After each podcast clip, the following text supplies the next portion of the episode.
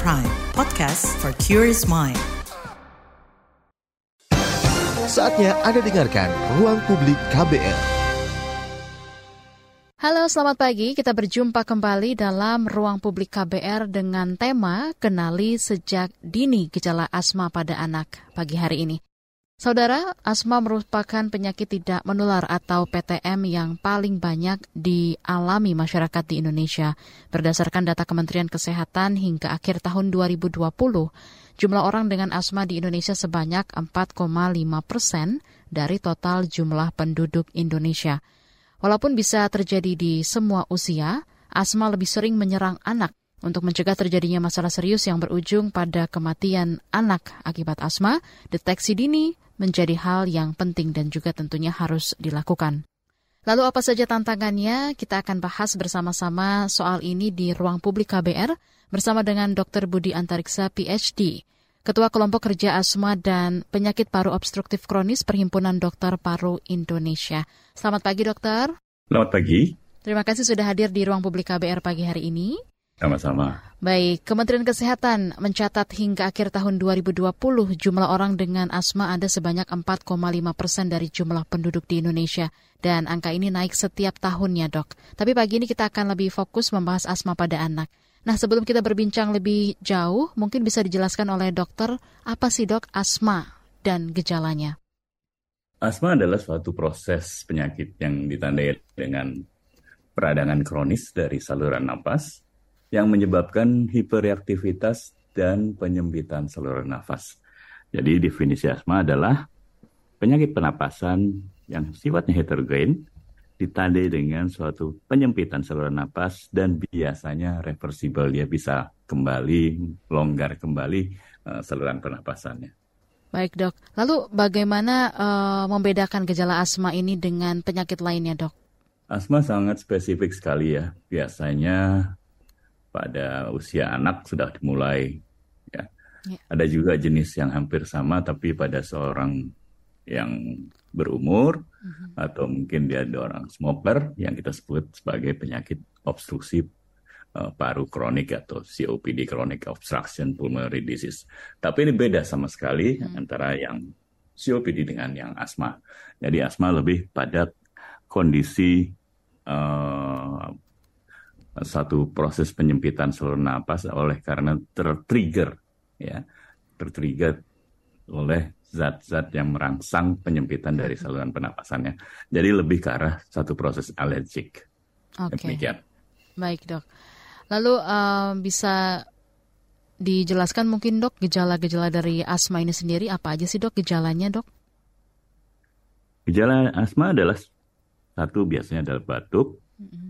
dan sesak napas. Sesak napasnya berbunyi ada bunyi ngik, ngik, ngik gitu ya, terutama yeah. pada saat dia mengeluarkan napasnya. Jadi pada saat kita melakukan pernapasan, tarik napas, buang napas, yang paling sering dia alami adalah pada saat dia mengeluarkan napasnya. Karena di situ terjadi penyempitan sehingga bunyinya ada ngik ngik ngik gitu ya. Lalu uh, dadanya tuh terasa berat. Hmm.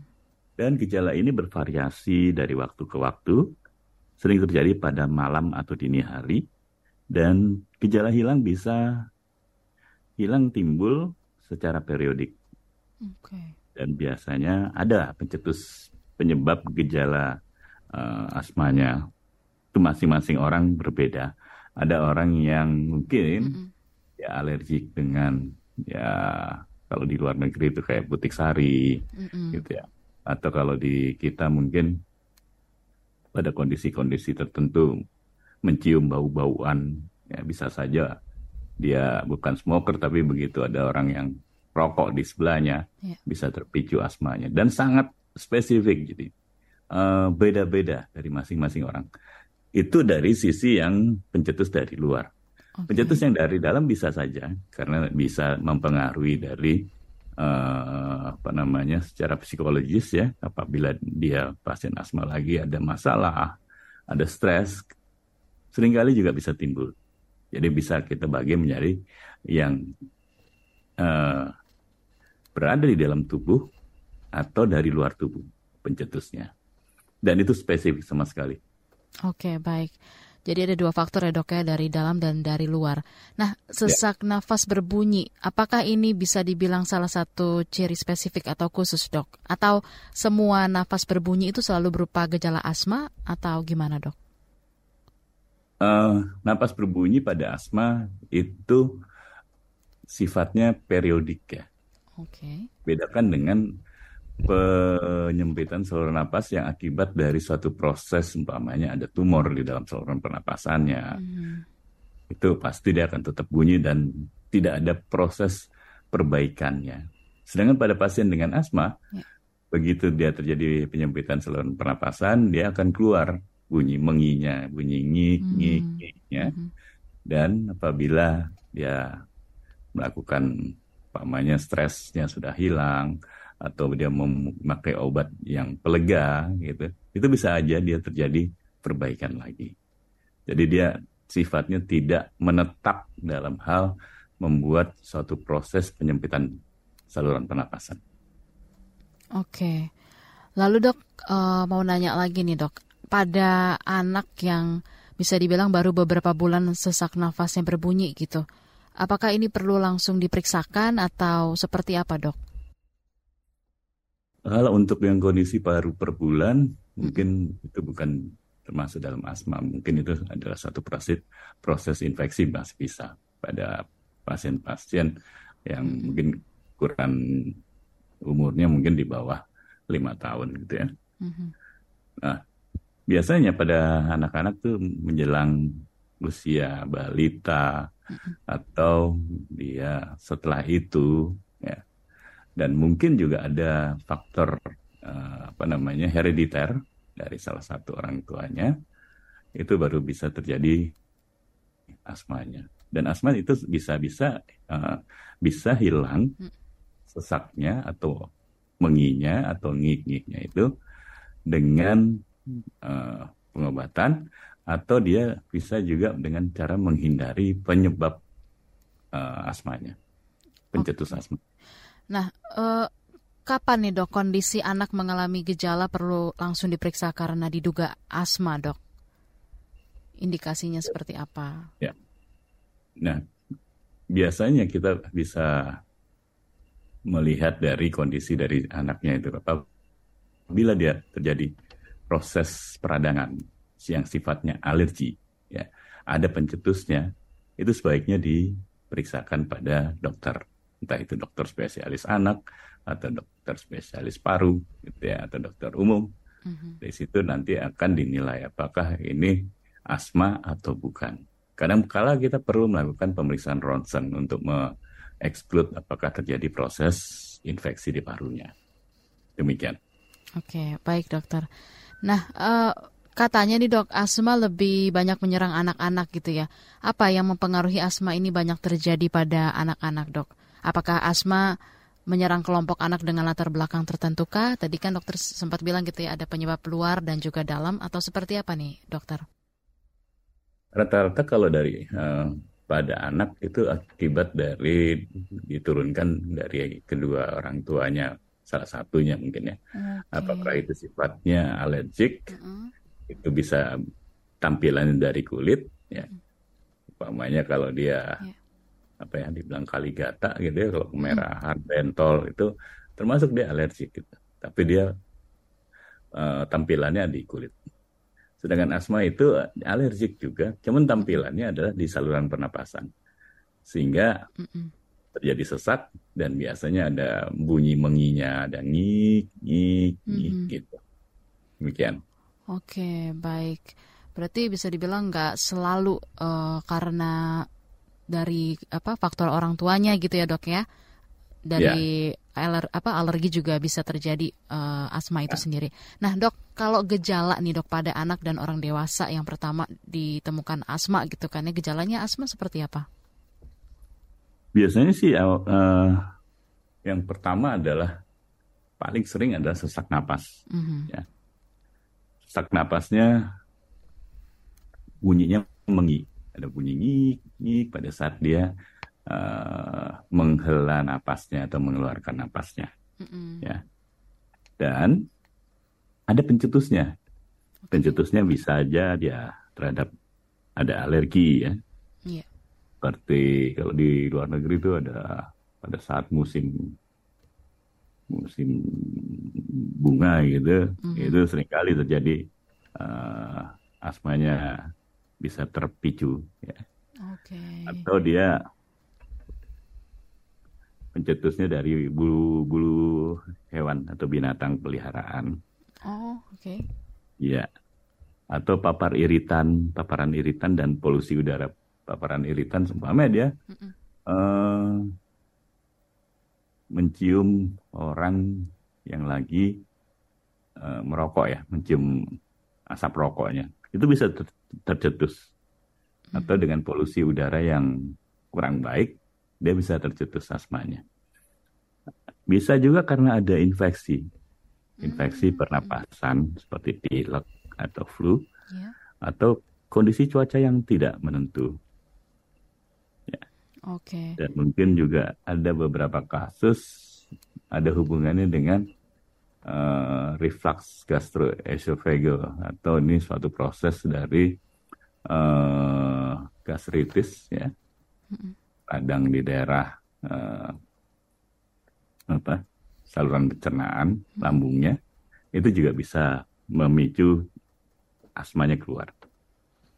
Oke, baik dok. Jadi dengan berbagai faktor pemicu yang tadi sudah dokter sebutkan, sebaiknya jangan self diagnosis gitu dok ya, langsung eh, diperiksa ke dokter gitu dok ya.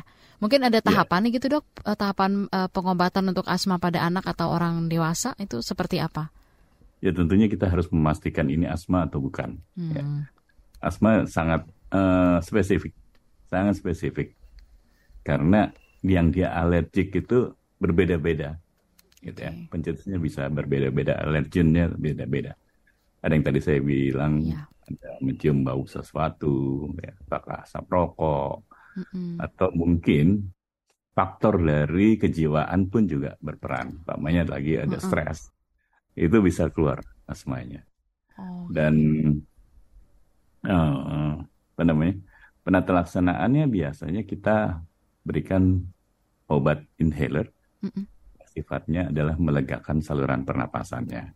Hmm. Lalu yang paling penting adalah menghindari faktor pencetus karena Ya. pasien-pasien dengan asma itu sudah pasti dia tahu penyebab asmanya kumat itu karena apa.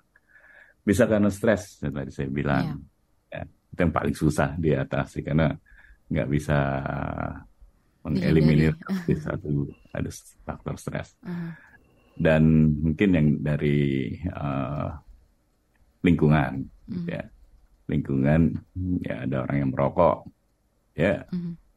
harus kalau dia sudah sudah sering terpicu asmanya karena asap rokok mau nggak mau dia harus menghindari orang yang merokok gitu ya Hmm.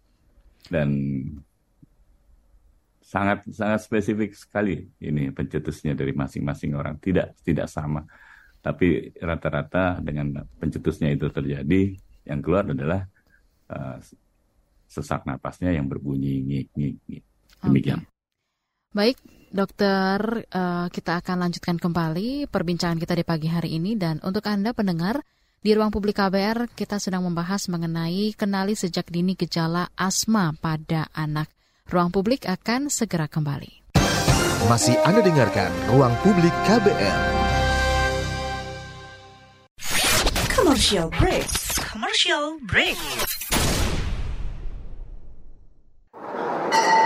Lo boros, Gue maskulin. rokok membunuhmu. Rokok menyelamatkan negara. Lo salah. Perdebatan yang sengit antar keduanya tidak pernah selesai dari zaman kereta roda 3 sampai kereta listrik. Dan inilah debat sebat. Membahas fakta dan mitos yang ada di balik sebungkus rokok. Dengarkan podcast Debat Sebat di KBR Prime, Spotify, dan semua platform mendengarkan podcast lainnya. Diproduksi KBR Prime, podcast for curious minds. Masih Anda dengarkan Ruang Publik KBR. Kita masih bersama dengan Dr. Budi dari Perhimpunan Dokter Paru Indonesia. Baik dokter, tadi uh, sudah beberapa faktor gitu ya dokter sebutkan kenapa asma itu bisa kumat. Ternyata juga salah satunya adalah uh, dari sisi kejiwaan gitu dok. Nah kalau ya. untuk faktor stres atau kejiwaan ini sendiri, apakah juga ditemukan pada anak dengan asma dok? Uh, kalau untuk anak-anak sih sebenarnya jarang ya, lebih oh. banyak kan alergiknya. Mm -mm. Seperti yang tadi saya katakan apabila dia uh, mencium bau sesuatu, yeah. ya hmm Itu paling sering dari anak-anak adalah seperti demikian. Pada orang dewasa mm-hmm. bisa karena faktor stresnya itu lebih dominan. Oke. Okay. Ya. Baik. Nah, e, kalau tingkat keparahan nih dok, tingkat keparahan seperti apa yang bisa berujung mungkin pada kematian gitu dok? Apakah ini juga terjadi pada anak? Sama. Jadi pada asma itu yeah. akan kita dapatkan suatu proses yang secara bertahap. Mm-mm. Serangan asmanya itu tipenya seperti apa? Mulai dari ringan, mm-hmm. ya. lalu bisa juga dari sedang mm-hmm. dan sampai juga berat hingga mencap uh, apa? mengancam jiwa. Oke. Okay gini dok, apakah tingkatan asma ini bisa naik turun gitu dok pada seorang anak atau seperti itu aja stabil aja? Bisa, bisa. Jadi prosesnya nggak akan langsung ke mm apa, mengancam jiwa, nggak demikian karena mereka akan sudah merasakan sesaknya pada saat awal. Yeah. Ya. Entah itu sesak atau entah itu batuk, -mm. tenggorokannya gatal, dia pasti udah ngerti bahwa ini asmanya akan kumat kumat. Mm-mm. Jadi yang paling penting buat uh, pasien-pasien dengan asma adalah memastikan uh, penyebabnya atau apa pencetusnya masing-masing orang lain. Gitu ya. Ada yang lebih banyak ke arah kejiwaannya, stres gitu, atau mungkin ada faktor yang lebih spesifik, umpamanya kalau ada tetangga sebelah lagi goreng ikan asin gitu. Mm-hmm baunya dia nggak tahan hmm. bisa keluar asmanya. Hmm. Nah, pada saat perjalanan asma yang awal, yeah. tentunya sebenarnya sih pasien-pasien itu sudah menyadari, wah ini asma saya akan keluar. Uh -uh. Dan tetap kami anjurkan dari dokter spesialis paru untuk melakukan inhaler atau uh, obat yang dihirup, gitu ya, dengan harapan asmanya tuh jangan sampai terjadi proses yang tadi saya bilang ada asma ringan, sedang, berat sampai mengancam jiwa. Oke, baik dok. Ya. Lalu um, apakah gitu dok ya semua anak dengan asma ini perlu inhaler? Harus standby gitu dok atau gimana? Kita menganjurkan kalau dia pernah ada satu proses uh, serangan asmanya itu termasuk yang sedang mm -hmm. atau berat, kita anjurkan mereka membawa obat inhalernya, gitu ya. Mm-hmm. Dan mereka sebenarnya sudah tahu kalau asmanya itu mau kumat, tenggorokannya gatal, atau dia dehem-dehem mm-hmm. oleh satu produk uh, apa namanya pencetus alergik yang tertentu pada mereka gitu ya. Mm-hmm. Tadi saya katakan umpamanya kalau di luar negeri ada putik uh, bunga gitu yeah. ya. Uh, uh, Atau kalau di kita orang-orang yang merokok, akibatnya orang asma begitu dekat dengan orang yang merokok, melakukan sedang, sedang melakukan aktivitas merokok, asapnya bisa terhirup oleh dia, dia akan merasa tenggorokannya gatal, uh, tenggorokannya lama-lama uh, sesaknya timbul, uh, ada batuknya, ada ngik-ngiknya. Uh, Nah, itu dia harus hindari. Gitu ya. Harus dihindari.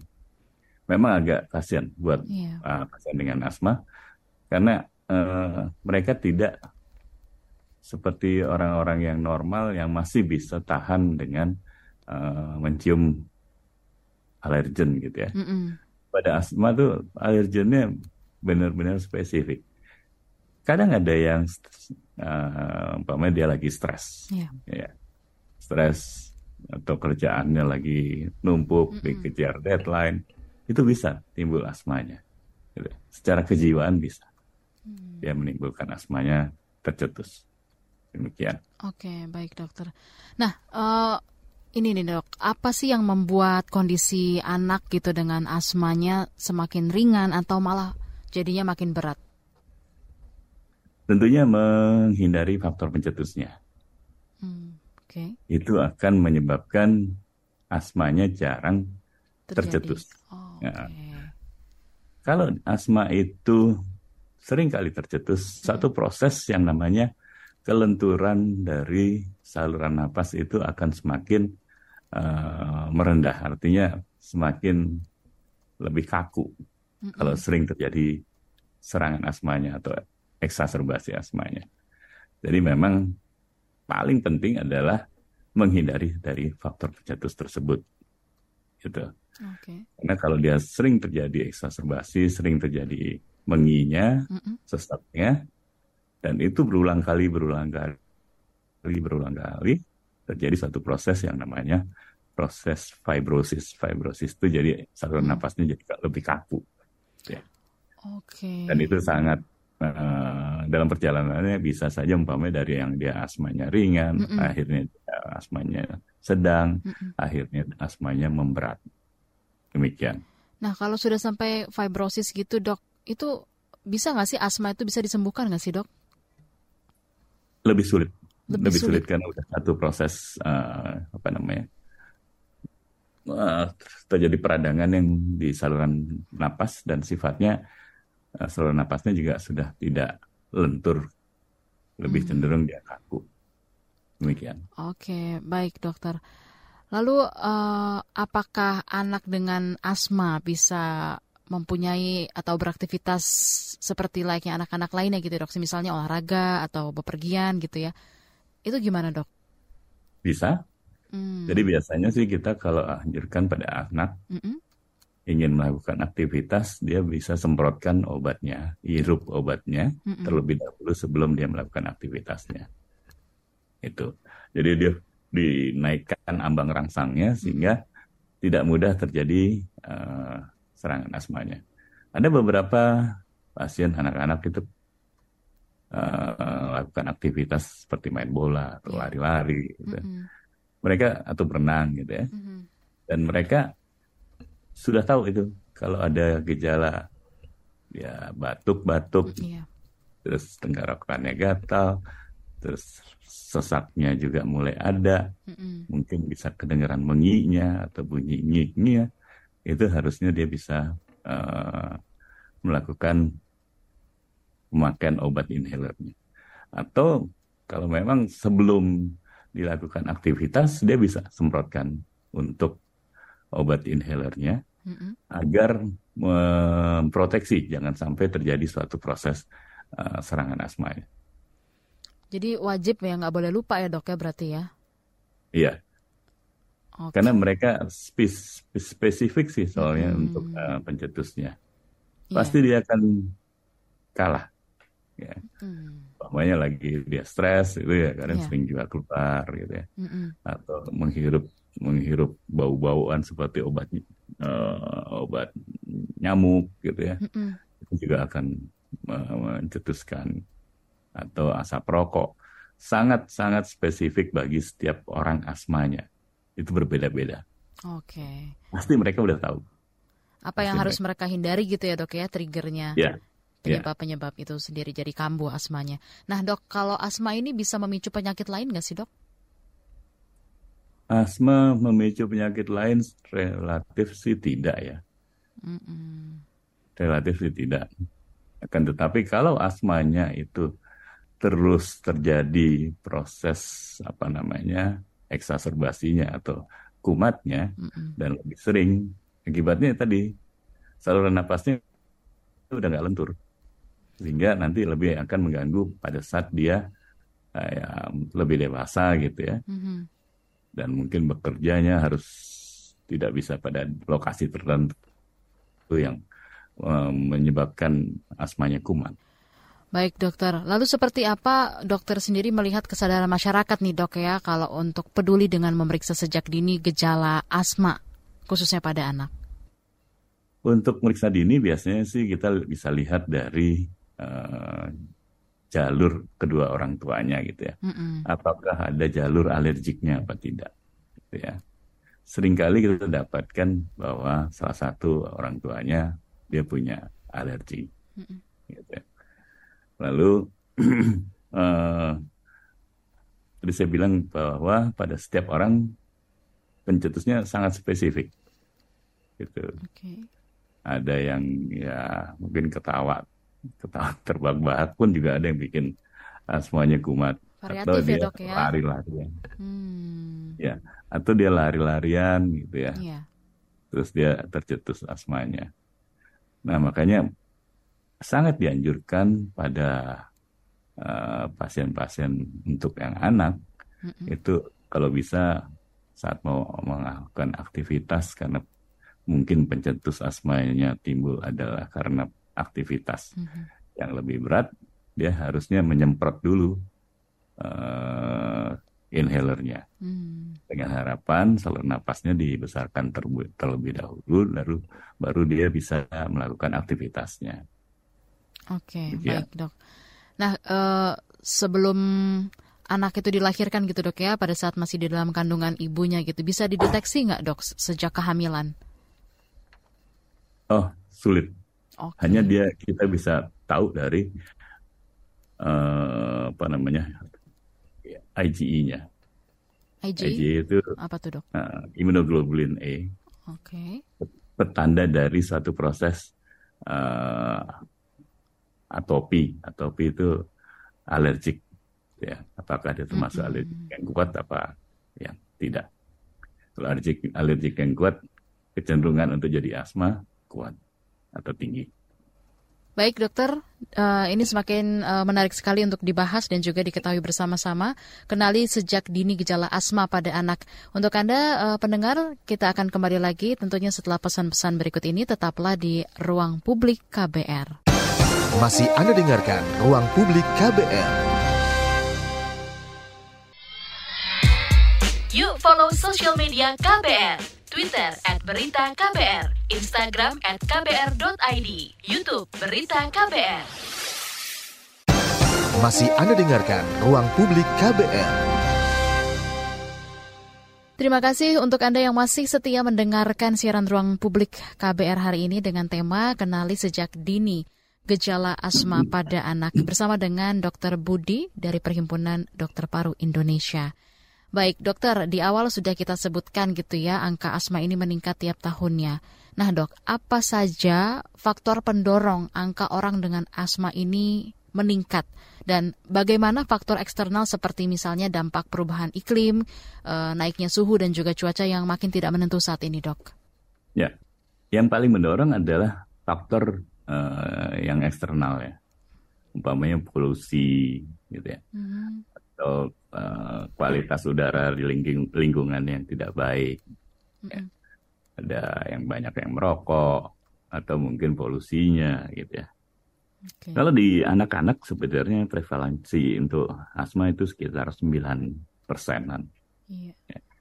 Dan rata-rata satu dari 10 anak itu memiliki gejala asmanya. Oke. Sekitar eh, 50 persen, antara 25 persen sampai 50 persen, gejala asmanya tidak terkontrol. Arti- Artinya Mm, asmanya sering kali masih kumat. kumat. Artinya sebenarnya dia harus menjaga pencetusnya, menghindari pencetusnya. Mm-mm. Mereka tahu sebenarnya. Loh, kalau ada eh, ada masalah, ada stres gitu dia bisa saja asmanya timbul. Mhm. tentunya diharapkan ya stresnya hilang, nanti asmanya juga akan berkurang.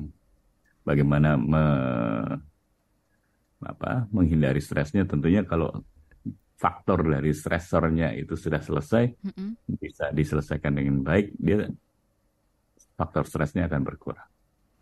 Oke, Demikian. oke. Nah, tadi dokter sempat beberapa kali eh, mengatakan gitu ya soal rokok gitu dok. Eh, Ya. Apa itu menjadi salah satu penyebab atau faktor gitu ya dok ya eh, triggernya asma seseorang itu uh, bisa kambuh gitu kan karena spesifik sekali gitu kan macam-macam. Ya. Nah, ini termasuk vape juga ya, Dok ya? Termasuk. Oh, termasuk. oke. Okay. Kan uh, kita- aroma vape itu kan aromanya nyengat banget tuh, Dok. Iya, dan lagi pula vape itu kan apa saja mau di rasanya apa itu mereka bisa create gitu ya. Mm-mm. Dan orang dengan asma sama sekali eh, kita anjurkan untuk menghindari apakah dia merokok atau dia nge-vape dan cari apa udara yang lebih baik gitu ya. Karena kalau tidak pasti yang kalah adalah yang asma Oke. akan kumat asmanya gitu ya. Jadi kalau sebenarnya mereka sudah tahu Mm-mm. untuk pasien-pasien asma karena spesifik sekali. Dok saya kalau lagi tenggorokannya gatel-gatel, Mm-mm. asmanya keluar. Namanya ada satu proses eh, radang tenggorokannya. Mhm. Dok kalau saya ketemu sama orang yang lagi ngerokok Mm-mm. atau nge-vape, itu asapnya terhirup tenggorokan saya jadinya gatal, akhirnya bunyi, Hmm. menginya keluar, sesaknya akan keluar. Sangat spesifik. Dan mereka tahu, mereka tahu. Untuk yang pasien-pasien asma, dia mesti menghindari, nggak akan menang untuk melawan. Hmm, baik. Ya. Nah, eh, dok, kalau anak yang eh, pada masa kecilnya asma gitu ya, kemudian pada saat dia dewasa merokok vape, dampaknya gimana tuh dok? Kalau dia sebenarnya kalau dia mengkonsumsi vape atau merokok sebenarnya orang asma yang ne- nekat ya menurut saya. Oh, oke. Karena pasti dia akan kalah. Dia akan terjadi suatu proses penyempitan saluran pernapasannya oleh akibat dari alergennya. Mm-mm. Akan tetapi sering kali terjadi eh, penyempitan saluran pernapasan itu akan terjadi suatu proses peradangan Mm. proses yang peradangan yang sering kali terjadi, maka kelenturan dari saluran napas itu akan menjadi lebih kaku. Di suatu ketika pada eh, satu keadaan eh, kondisi dari asmanya itu tidak bisa melega sampai seperti yang normal Ya. ya karena sering kali terjadi eh, apa namanya eh, eksaserbasinya atau kumat asmanya makanya kita anjurkan supaya bisa dikontrol untuk asmanya. Ya dikontrol dalam arti kata mungkin hindari pencetusnya karena mereka sudah pasti tahu pencetus spesifiknya. Yang kedua kalau memang diharuskan untuk mengkonsumsi obat inhaler Mm-mm. itu pakailah. Ya dalam kondisi beberapa bulan kita bisa akan menilai ada yang namanya eh, asma control test. Ya. Asma, Asma control control test. Ya asma control test itu terjadi terlihat bisa dinilai dari beberapa eh, pertanyaan-pertanyaan ya dengan pertanyaan-pertanyaan tersebut. Umpamanya dalam sebulan berapa lam, berapa kali terjadi apa serangan asmanya. Dan biasanya kita berikan obat inhaler yang eh, ada corticosteroid inhalernya. Ya, jadi ada pelega dan ada juga corticosteroid. Kenapa dikasih corticosteroid? Ya karena dia terjadi suatu proses penyempitan Hmm. dan penyempitan itu bisa dilonggarkan dengan steroidnya. Dan juga dengan steroid dia akan meningkatkan ambang rangsang dari asmanya untuk terjadi eksaserbasi atau sesaknya, serangan sesaknya. Jadi nggak mudah terjadi serangan sesaknya karena ambang rangsangnya dinaikkan.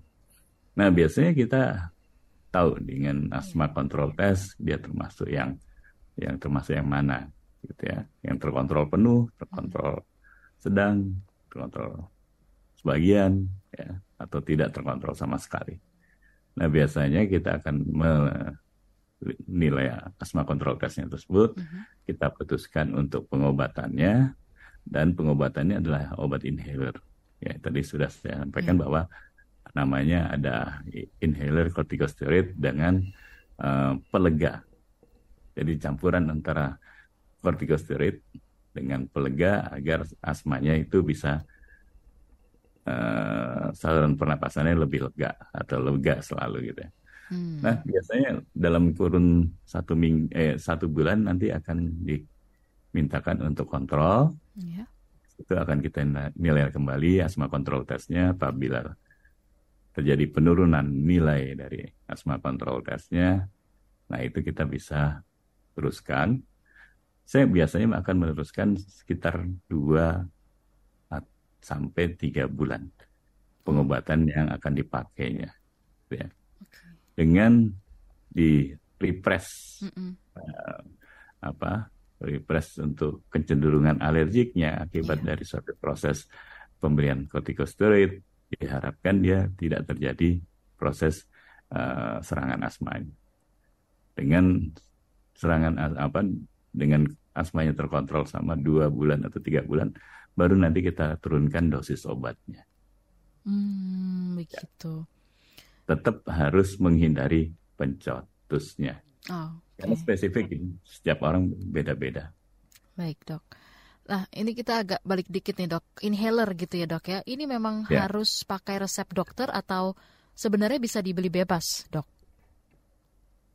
Uh, kita anjurkan sih sebenarnya melihat uh, kondisinya dari dari si pasiennya itu harus dilihat oleh dokternya. Jadi nanti dia akan hmm. menilai apakah ini termasuk yang asmanya ringan, sedang, berat, atau hmm. dia mengancam jiwa. Setelah itu baru diberikan obat-obatnya.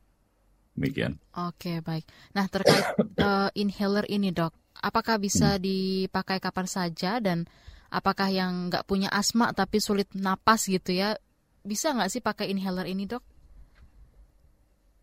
uh, dalam mengobati asma kita bisa melakukan satu pemeriksaan. Pemeriksaannya adalah namanya spirometri uh, untuk menilai kekuatan pernapasannya. Oh. Gitu ya. Dari biasanya pada saat asma itu lebih pada saat dia mengeluarkan saluran eh mengeluarkan napasnya. Mm-hmm. Itu namanya kan ada inhale dan exhale ya. Yeah. Nah, biasanya pada asma itu lebih sering pada saat dia exhale. Ya. Terjadi proses peradangan sehingga dia untuk mengeluarkan uh, mengeluarkan napasnya, mm exhale itu terjadi satu penyempitan. Gitu ya. Nah, dari situ kita berikan obat-obat untuk ngejaga supaya jangan terjadi suatu proses penyempitan atau terjadi suatu proses alergiknya yeah. dengan harapan nantinya tidak tidak apa tidak terjadi suatu proses yang tadi saya bilang fibrosis mm -mm. fibrosis keras ya iya dia lebih keras sehingga tidak lagi seperti asma yang awal mm -mm. yang bisa lega kembali dengan mudahnya ini kalau dia sering terjadi eksaserbasi serangan itu suatu saat dia bisa terjadi suatu proses fibrosisnya. Demikian. Oke, baik dok. Nah, tadi dokter uh, sudah menjelaskan gitu ya faktor-faktor uh, pencetus asma seperti misalnya bau-bauan gitu ya atau asap atau juga polusi. Kalau uh, berkaitan asma dengan pola konsumsi makanan dan minuman anak itu seperti apa ya dok? Hmm, kalau makanan atau minuman untuk -hmm. anak kalau dia ada faktor alergiknya, yeah. gitu ya, dan mungkin ada hubungannya dengan asmanya, biasanya kita bisa tahu dari makanannya apa. Ya, sebelum dia terjadi suatu proses asmanya, mm-hmm. gitu ya, atau dia menghirup sesuatu sebelum ada proses asmanya kumat. Yeah. Itu sangat spesifik tadi saya bilang sangat-sangat spesifik dari masing-masing orang. Jadi mulai dari masing-masing anak. Baik dokter, kita nanti akan kembali lanjutkan obrolan kita di ruang publik KBR pagi hari ini dengan tema kita yaitu kenali sejak dini gejala asma pada anak. Untuk Anda pendengar tetaplah di ruang publik KBR. Masih Anda dengarkan ruang publik KBR. Commercial break. Commercial break.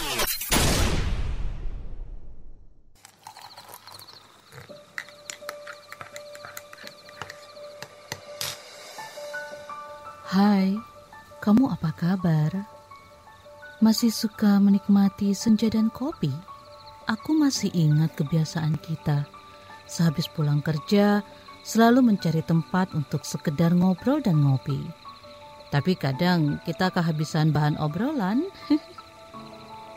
Aku masih melakukan hal yang sama sampai sekarang tanpa harus takut habis bahan buat ngobrol. Karena aku selalu mendengarkan KBR sore dari Senin sampai Jumat jam 4 sore. Ah, aku rindu.